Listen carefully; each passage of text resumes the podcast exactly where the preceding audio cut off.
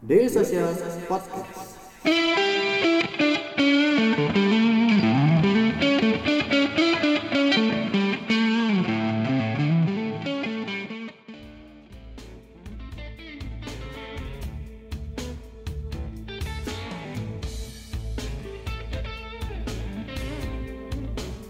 Halo, selamat sore teman-teman Daily Social Podcast. Kembali lagi di ngobrolin sarapnya Daily Social Podcast.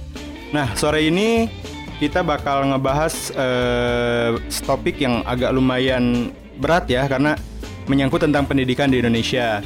Nah, kalau berbicara tentang pendidikan, kita udah tahu nih di Indonesia sekarang sudah banyak eh, situs-situs online, terus sudah banyak juga layanan-layanan online yang menyediakan bimbingan belajar online, kursus online gitu. Nah, kebetulan sore ini sebelum sesi Selasa Startup seperti biasa saya sudah kedatangan eh, salah satu CEO-nya ya Mas ya. Salah Ya. satu CEO dari Haruka Edu. Sorry, dengan Mas siapa? Novis. Mas Mas Novi ya, Mas Novi Stiar Novi ya. Betul. Mas Novi Stiar ini adalah CEO-nya dari Haruka Edu gitu. Eh mungkin teman-teman di sini eh, sudah sering ada yang mendengar juga apa itu Haruka Edu atau mungkin ada juga beberapa yang belum belum mendengar lah apa itu Haruka Edu. Nah, kali ini mumpung saya sudah bersama langsung dengan CEO-nya, mungkin kita langsung aja mungkin ya Mas ya. Boleh mungkin Mas, eh saya pengen tahu Haruka Edu itu apa sih Mas? Oke, eh, Mas Egi, terima kasih ya eh, untuk eh, kesempatannya. Iya. Jadi Haruka Edu itu adalah edutech, Oke. educational technology startup, eh, fokus pada e-learning, online learning ya. Oke. Eh, visi kita adalah membangun eh, lifelong learning ecosystem. Oke. Eh, kalau bisa sih targetnya yang terbesar di Southeast Asia. Oke. Eh, kenapa kita sebut lifelong learning? Karena eh, kami percaya bahwa eh, zaman sekarang orang tuh nggak bisa berhenti belajar. Ya. harus terus belajar karena perkembangan teknologi yang semakin pesat. Hmm, ya. hmm. Jadi banyak sekali eh, yang kita sudah lihat pekerjaan-pekerjaan yang dulu banyak dibutuhkan sekarang malah hilang Hmm. atau banyak juga pekerjaan-pekerjaan yang baru dan yang mungkin 5-10 tahun yang lalu tidak ada. Oke, iya betul. Nah, itu jadi bagaimana kita bisa menyesuaikan diri dengan perkembangan ini ya. Jadi Hmm. kita harus tetap tadi yang belajar tadi ya.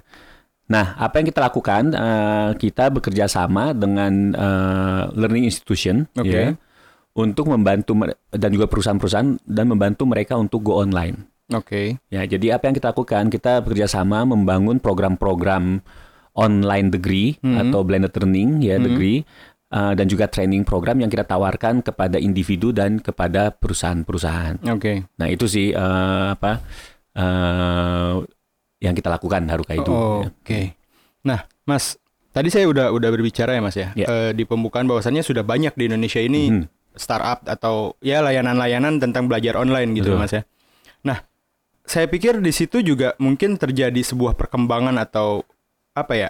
Ya perkembangan lah di bidang pendidikan eh, di Indonesia ya, terutama ya dilihat dari dari banyaknya menjamurnya lah startup-startup eh, pendidikan gitu tentang bimbel online, kursus online. Nah, menurut Mas Novi sendiri nih yang yang berkecimpung di dunia eh, pendidikan secara online, Iya. itu sejauh mana sih perkembangan pendidikan di Indonesia?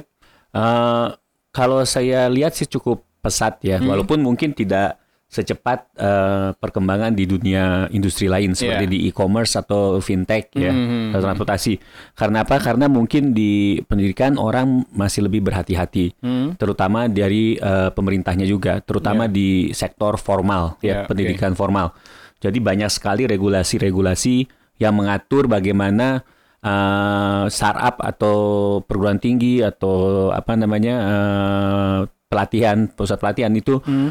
Bisa mengembangkan program online ya. Jadi nggak seenak-enaknya aja langsung semuanya bisa dilakukan secara Ya, online Betul. uh, tanpa ada uh, seperti kayak pem- apa uh, mutu ya pengendalian Hmm. mutu yang yang memastikan bahwa program yang ditawarkan itu adalah program yang berkualitas gitu. Hmm. Jadi ya seperti itu karena kalau khususnya saya ngomong di sektor formal ya kita di sektor formal banyak sekali regulasi dan Hmm. Iya. banyak sekali pemerintah berperan. Jadi perkembangannya tidak sepesat atau secepat di industri lainnya. Ya, cuman eh, akhir-akhir ini Hmm. eh, kami cukup senang sekali karena eh, pemerintah sangat gencar sangat gencar untuk eh, mempromosikan eh, online learning terutama Hmm. di eh, apa namanya di tingkat pendidikan tinggi ya Mhm. itu kalau Pak Menteri Pak Nasir sekarang jalan-jalan ke mana pun ya Ya. ketemu universitas atau visit apa mereka selalu bilang, hey kamu harus go online, harus go online, harus go online. Kenapa? Eh, karena di Indonesia Hmm. angka partisipa partisipasi kasar eh, orang yang eh, umurnya umur kuliah ya itu baru 34 persen. Jadi baru 34 persen dari orang atau anak Indonesia yang umur kuliah Hmm. itu yang benar pergi ke Luar negeri. bukan ke negeri, pergi apa? Pergi sekolah, Oke, kuliah ya. Oke. Jadi hanya 34 persen, Hmm. sisanya 6, eh, 56 persen tidak kuliah. Oke, memutuskan langsung kerja. Ya, mungkin kerja atau ya mungkin nganggur atau Ya. apa macam-macam tergantung ya. Hmm. Nah, ini tingkat pendidikan yang sebenarnya sangat masih rendah dan perlu tingkatkan karena dibandingkan negara-negara maju lainnya. Korea itu orang yang punya sarjana udah 90% contohnya ya. Oke.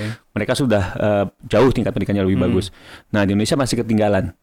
Nah, padahal Indonesia akan menjadi negara dengan eh, ekonomi terbesar katanya kelima atau keenam di dunia Iya. 2030. Tapi kenapa eh, sumber dayanya nggak ada? Berarti siapa nanti yang bakal melakukan Ya, apa ya, ya. berperan di situ ya Hmm. berperan. Nah, jadi pemerintah ingin meningkatkan angka partisipasi kasar dari 34% ke 50 Hmm. persen. Caranya seperti apa? Caranya adalah menurut mereka yang paling mudah, bukan paling mudah, memungkinkan untuk secepat scale adalah Hmm. dengan menggunakan online learning. Oke. Karena kalau misalnya dilakukan secara offline, ya, kan yang masih banyak belum kuliah itu adalah mungkin orang yang tinggal di Pulau Jawa. Ya, Jika pemerintah mendirikan kampus-kampus di luar Pulau Jawa, pertama biayanya mahal. betul. Tapi kalau biayanya pun ada, gedungnya dibangun, siapa yang mau ngajar? Hmm. Karena kebanyakan orang pintar pasti tinggalnya kan di Di kota. kota ya. Hmm. Begitu mereka suruh pindah ngajar misalnya ke daerah terpencil mau nggak? Ya. Nggak mau kan? Hmm. Nah tapi melalui online learning ya orang bisa mengajar dari mana pun dan kapan pun saja. Jadi Ya, betul. kalau nanti dengan melakukan online learning nanti orang di Jakarta bisa mengajar teman-teman kita yang misalnya di Papua. Ya. Orang Jakarta bisa mengajar teman-teman yang di Sumatera tanpa Ya, harus tanpa pindah ke sana. Ya. Ya. Nah itu mungkin jadi salah satu solusi yang didorong oleh pemerintah. Oke. Dek, ngobrol yuk. Ngobrolin apa bang? Startup bareng sosial.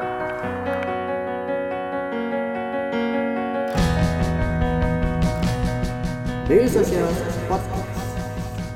Belum apa-apa sudah berbicara solusi ya, Mas. Iya. ya. Nah, sekarang gini. Eh kalau kita jujur saja saya kalau kalau men- mendengar masalah pendidikan selalu banyak yang berbicara masalahnya ini, masalahnya ini, masalahnya Iya, itu gitu kan. iya. Nah, yang ingin saya tanyakan solusi apa sih yang dimiliki oleh Haruka Edu Hmm. hingga eh, Haruka Edu ini atau Mas Novis Mas Novis Hmm. dan teman-teman ini merasa yakin bahwasanya ini adalah formula yang tepat nih Mhm. untuk pendidikan di Indonesia. Oke. Kira-kira Ya. apa tuh, Mas? Eh, jadi kembali lagi tadi kita mulai dari problem dulu ya. Hmm. Kita selalu melihat problem, eh, mulai dari problem Hmm. eh, sebelum kita melakukan suatu startup, melawan startup. Jadi ada tiga problem yang saling berhubungan di Indonesia ya. Oke. Dari segi pertama dari segi industri dulu. Hmm. Jadi banyak perusahaan yang mengatakan susah sekali mencari tenaga kerja atau pegawai Hmm. yang memiliki pendidikan atau keahlian yang sesuai dengan kebutuhan. Ya. Ya, itu ada surveinya dari World Bank Oke. ya, dan itu uh, sampai lebih dari 50% uh, perusahaan yang mengatakan seperti itu, Yang mengeluh seperti mengeluh itu. seperti itu Oke. ya. Nah, kalau kita lihat di datanya, Hmm. ternyata kita tahu dari 115 juta orang Indonesia yang sudah bekerja, Hmm. baru eh, sembilan setengah juta atau 8 persen Oke. yang memiliki gelar sarjana. Oke. Sisanya ada 34 juta eh, yang teman-teman itu masih lulus SMA. SMA. Nah, jadi di situ bisa kelihatan kenapa ini susah perusahaan mendapatkan orang dengan kualitas atau pendidikan yang tepat karena memang yang berpendidikan tinggi pun masih terbatas, Terbatas. jumlahnya. Ya. Nah, kemudian kita melakukan survei ke orang yang sudah bekerja Hmm. tapi belum memiliki gelar sarjana. Jadi kita melakukan survei di Jabodetabek dan kita melakukan survei di Indonesia. Hmm. Dari sana kita dapat eh, info bahwa sebenarnya 69% dari mereka itu sebenarnya ingin kuliah lagi Hmm. sambil bekerja. Oke. Kenapa? Karena di Indonesia kalau kita mau mencari pekerjaan yang bagus, Hmm. itu pertama kali yang diminta adalah harus punya Ijazah. ijazah. Sarjana S1 Iya. kan. Kalau nggak Iya. punya bahkan resumenya pun nggak dilihat Iya, walaupun udah betul. pekerjaannya mungkin udah punya pengalaman yang cukup banyak, banyak, ya. ya. Hmm. Nah, jadi sebenarnya 69% itu mau kuliah lagi sambil bekerja. Hmm. Kendalanya satu adalah biaya dan waktu. Ya, betul. Jadi mereka membutuhkan program-program yang terjangkau, Hmm. yang berkualitas, tapi juga jadwalnya fleksibel. Hmm. Nah, apa yang bisa dilakukan ya dengan pendidikan online, ya. Oke. Uh, nah, terus kita lihat lagi ke segi perguruan tingginya. Loh, ini ada demand-nya gitu, ada kebutuhan. Hmm. Tapi kenapa mereka tidak membuat program-program pendidikan online? Ya. Nah, ternyata dari segi kampus perguruan Hmm. tinggi, mereka kesulitan satu dari apa? Dari teknologi mereka tidak memiliki. Pengalaman mereka juga tidak memiliki, expertise tidak punya. Kemudian financial resources atau sumber daya keuangan karena untuk membuat membangun sistem ini juga tidak eh, terbatas juga. Iya. Nah, dari situ makanya kita buat Harukaidu. Kita start Harukaidu.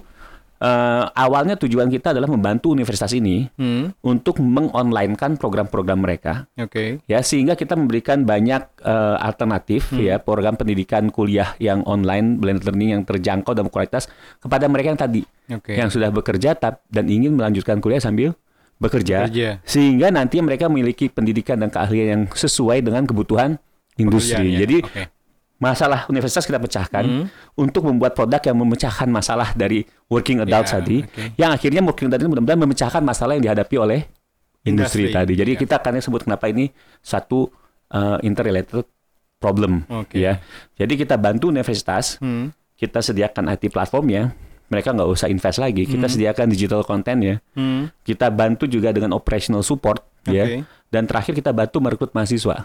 Oh. Jadi mereka benar-benar nggak harus ngapa-ngapain lagi Iya. gitu. Maksudnya tidak mengeluarkan uh, biaya atau investasi awal lagi Iya, gitu. Oke, berarti eh Harukaido ini sampai sekarang masih terbuka untuk universitas-universitas baru kalau Masih terbuka ya. gitu. Jadi tidak hanya eh, apa yang di apa ya, apa yang menjadi campaign Harukaido itu bukan hanya mencari siswanya, Ya. tapi juga melebarkan lagi universitas yang Universitasnya juga kita yang, tetap yang ingin Ya, go ingin- online ya Mas betul, ya. iya. Gitu. Oke. Ada apa? Ngobrol belum selesai. Nah, balik lagi nih. Masih tentang ngebahas tentang eh, pola pendidikan di startup pendidikan di Indonesia gitu yang kita udah bersama dengan Haruka Edu. Nah, ternyata pola Haruka Edu ini sedikit berbeda mungkin ya dengan eh, bimbel-bimbel atau startup-startup bimbel lain ya Mas ya. Mhm. Gitu. Nah, sekarang eh kalau berbicara tentang pendidikan nih, Mi, nih, Mas ya. Sep- Sepengalaman saya, kalau misalkan kita sekolah secara formal nih Mas di ya sekarang kalau berbicara universitas, kita kan di sana diajarkan juga bagaimana apa ya pendidikan karakter dan lain-lain gitu Mas. Nah, kalau misalkan sekarang berkaitan dengan tadi yang kata Mas orang-orang yang sudah bekerja tapi ingin kuliah dan lain-lain, otomatis kan di sana pun dalam dalam apa ya dalam dalam eh, pengasahan atau dalam pembelajaran untuk mencapai sebuah eh, pendidikan yang dibutuhkan industri juga ada ada pendidikan karakternya juga ya kan Mas ya. Ya. Nah, eh, Haruka Edu sebagai platform nih gitu yang yang yang yang menyediakan layanan kuliah secara online itu menurut Haruka Edu bagaimana sih pendidikan karakternya gitu. Betul, ya. Pola pola pola Haruka Edu mendidik karakter si Ya. para siswa yang ikut di Haruka Edu itu seperti apa? Ya. Eh, jadi betul, eh, betul sekali pendidikan karakter itu sangat penting ya. Sangat penting Sangat sekali. penting. Jadi sayang kalau misalnya orangnya pintar tapi karakternya buruk Nah, gitu kan bahaya gitu, kan. ya. Nah, memang eh, itu salah satu perhatian kita juga dan awalnya banyak orang yang sanksi dengan pendidikan online apakah karakter juga bisa terbentuk ya. Hmm, betul. Nah, eh, tapi yang menarik pengalaman kami eh, selama menjalankan program-program kuliah online gitu training ya. Eh, banyak dosen-dosen yang bilang ternyata mereka lebih senang mengajar program eh, mahas- maaf me- lebih senang mengajar mahasiswa program blended learning. Oke. Kenapa? Karena katanya satu mereka lebih disiplin. Nah, kenapa mereka lebih disiplin? Nah, gini. Eh, salah satu yang kita lakukan adalah kita memastikan bahwa banyak hal-hal yang dikontrol secara eh, sistem, Oke. dari sistem ya. Ya. Contohnya adalah eh, mengumpulkan eh, Tugas. Hmm. Atau menja- menyelesaikan eh, materi belajar Hmm. atau misalnya menjawab pertanyaan diskusi. Oke. Kita semua memberikan deadline dan Oke. deadline itu di, eh, di set up secara eh, sistem Oke. sehingga kalau ada yang lewat deadline bahkan cuma sedetik pun itu pasti tidak bisa submit Oh. ya. Jadi dan mereka nggak bisa protes Hmm. Hmm. Nggak bisa protes lagi. Kalau misalnya dia datang ke kampus, uh, ada hubungan dengan dosen, ketemu dosen, Ada masih sering ya. ya, Masih sering nego lah ya gitu ya. Kalau di kita karena semua sistemnya sudah online, ya sudah Ya. sih pakai ter, ter apa tercomputerize lah maksudnya Hmm. otomatis gitu. Mereka nggak ada lagi sistem uh, apa Nego. namanya nego-nego. Oke. Ya, jadi mereka harus benar bahwa pada saat deadline tugasnya dikumpulkan. Hmm. Uh, uh, materinya selesai dibaca. Oke. Karena kita track nih uh, materi-materi belajarnya apakah sudah diakses atau belum. Oke. Kalau belum mereka nggak bisa. Jadi contohnya kalau dulu kuliah ya, Hmm. saya juga sering itu kita punya sistem yang kita sebut sistem kebut semalam gitu. Iya, betul. Pas besok ada ujian, ada ya. Pas mau ujian malamnya, wah langsung kita belajar mati-matian gitu Iya, ya. betul. Nah sekarang dengan sistem seperti ini, kita eh, materi belajar kita keluarkan tiap minggu dan Oke. kita kasih deadline setiap akhir minggu bahwa itu semua materi harus selesai dibaca. Baca. Jadi nggak Oke. ada lagi sistemnya dia SKS juga. dulu, udah gitu pas saat terakhir baru dibaca. Nggak Ah, bisa ah, karena oke. kita bisa tahu bahwa oh kalau dia misalnya minggu ini nggak selesai baca, berarti dia ada absennya. Ya, ditulis ya. oke. Nah itu jadi satu lebih disiplin, Disiplin. ya udah pasti. hmm, Nah kemudian banyak dari mereka juga yang harus pintar memanage waktu. Iya, betul. Karena apa? Karena mereka harus bekerja setelah capai ya, seharian dan gitu mereka harus belajar. Hmm. Dan belajarnya adalah self space. Oke. Di mana kita kasih kebebasan mereka Hmm. untuk kapan saja belajar dan di mana saja. Walaupun kita ada deadline-deadline tertentu ya. Hmm. Tapi bukan berarti hari Senin jam 10 harus datang enggak gitu Ya, kan. ya. Bisa selama seminggu itu pilih kapan waktu aja. Oke. Nah, di situ mereka harus memiliki eh, kedewasaan pertama Oke, ya ya. untuk belajar menyelesaikan dan memanage waktu mereka supaya pekerjaannya juga tidak terganggu. Hmm. Terganggu. Jadi kita lihat selama beberapa waktu belakang ternyata orang-orang yang belajar belajar ini satu tadi lebih juga manage waktunya lebih pintar Ya. ya dan lebih disiplin, lebih pintar. Kemudian juga mereka sangat-sangat serius ya, jauh lebih serius, lebih kom, ko- apa komit yang yang bertahan ya. Kenapa? Bayangkan sudah seharian eh, apa namanya? kerja, Kerja. masih harus belajar ya. Itu berarti menunjukkan komitmen mereka yang jauh lebih Ya. dari yang eh, mungkin kerja apa kuliah full time dibayarkan orang tua dan Ya. kemudian mereka bayar sendiri lagi. Oke. Ya mereka ini semua kebanyakan bayar sendiri juga ya.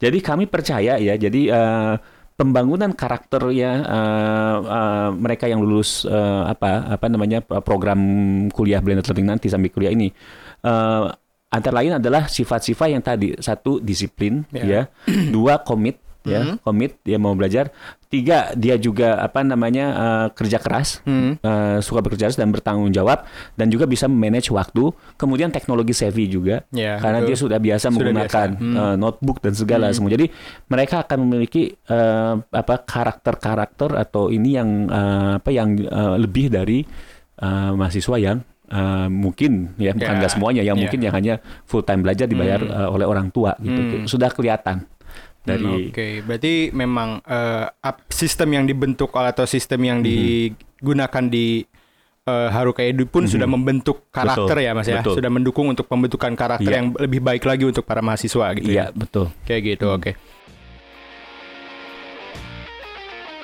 Jangan lupa subscribe Ngobrolin Startup Daily Social Podcast di SoundCloud, Spotify, atau aplikasi podcast favorit kamu.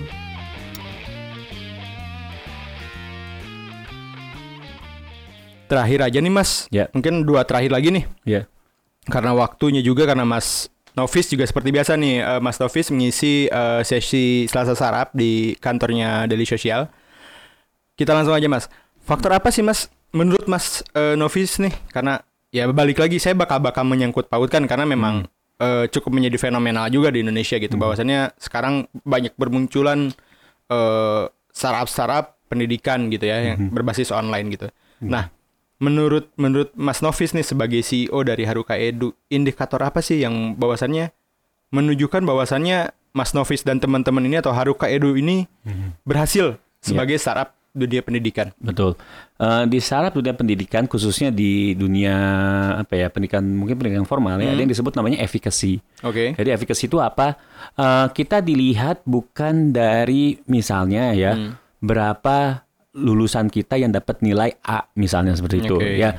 Grade penting ya. Hmm. Memang itu penting apalagi mendapatkan grade yang bagus. Ya. Tapi yang kita cari adalah setelah mereka lulus apa yang mereka dapatkan. Oke. Itu yang kita mau cari. Satu, apakah mereka mendapatkan pekerjaan yang lebih baik? Hmm. Apakah mereka mendapatkan promosi? Oke. Apakah mereka menjadi entrepreneur? Ya, Oke. itu yang menurut kami adalah eh, apa ya namanya eh, eh, apa tadi kriteria ya bahwa satu startup pendidikan itu sukses atau enggak, merubah hidup orang atau enggak. Ya, betul. Kalau hanya meluluskan orang dengan nilai A itu menurut saya jauh lebih mudah Iya. ya. Tapi bagaimana nanti lulusan kami ini Berguna. ya, berguna. Ya. Betul.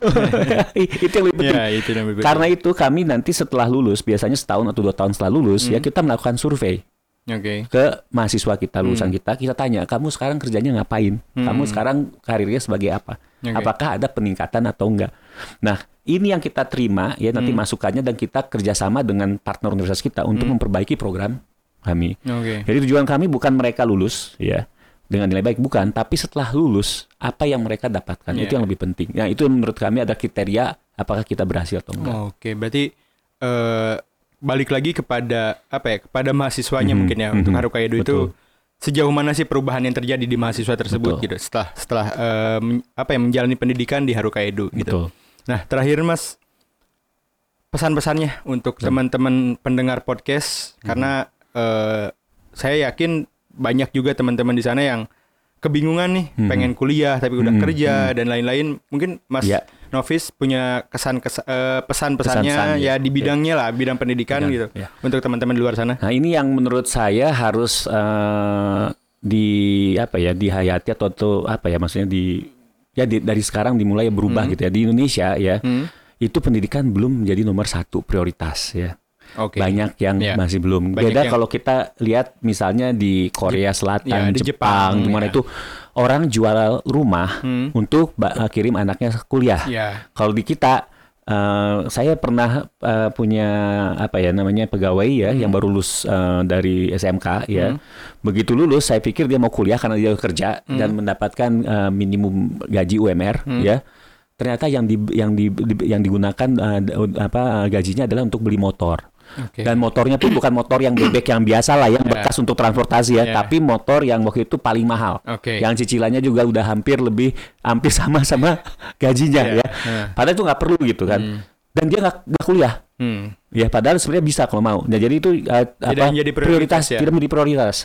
Nah, seharusnya kita seharusnya tahu ya bahwa sebenarnya investasi terpenting di hidup kita adalah investasi Ya. di si diri kita Pendidikan. sendiri Hmm. melalui apa? Melalui pendidikan. Pendidikan. Karena kalau kita lihat dari eh, statistik di eh, dari World Bank ya sudah Hmm. udah bertahun-tahun setiap kita men- eh, meluangkan waktu atau belajar satu tahun di pendidikan di kuliah ya itu penghasilan kita seumur hidup kita akan eh, lebih tinggi lima- eh, 15% sampai 20% Oke. ya setiap tahun. Jadi kalau kita empat tahun berarti bisa sampai 60%. 60%. Setiap tahunnya lebih tinggi daripada nggak bayangkan seumur hidup. Iya. Ya, tidak ada investasi lain mau emas mau apa pun yang bisa memberikan eh, return sebesar itu. Iya. Ya, karena apa? Karena kalau kita sekarang misalnya kita nggak lulus ya, misalnya kebanyakan ya, banyak buka, saya bukan menyamaratakan, tapi kebanyakan banyak juga yang tanpa lulusan malah lulusan kuliah apa nggak lulus college tapi Berhasil. berhasil sekali banyak ya Ah. kayak Mark Zuckerberg di Indonesia juga banyak tapi itu kan kecil sekali ya Iya.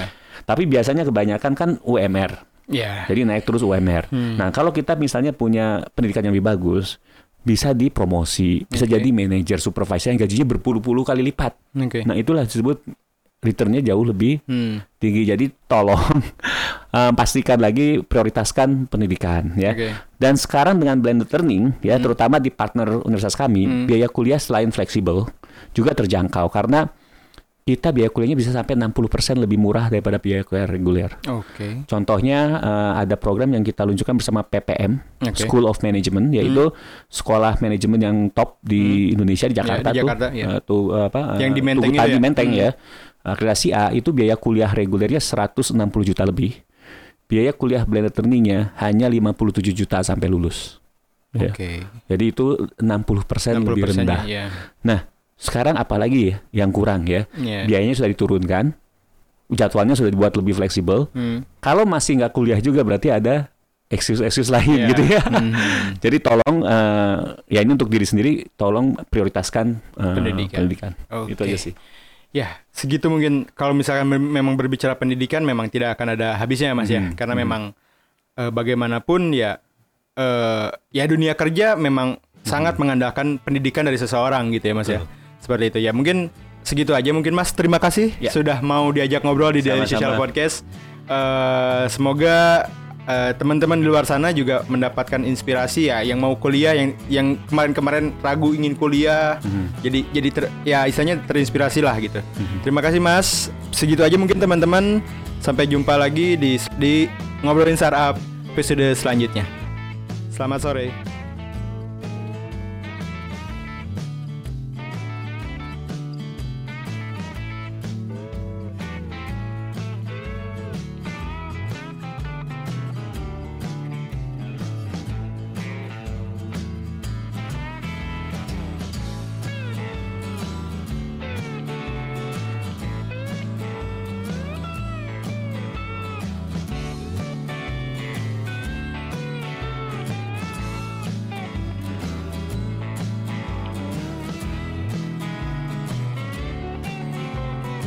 terus keep in touch bersama kita di dailysocial.id untuk website kita.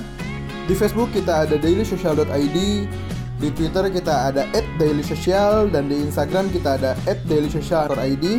Di LinkedIn kita ada Daily Social dan di YouTube kita ada Daily Social.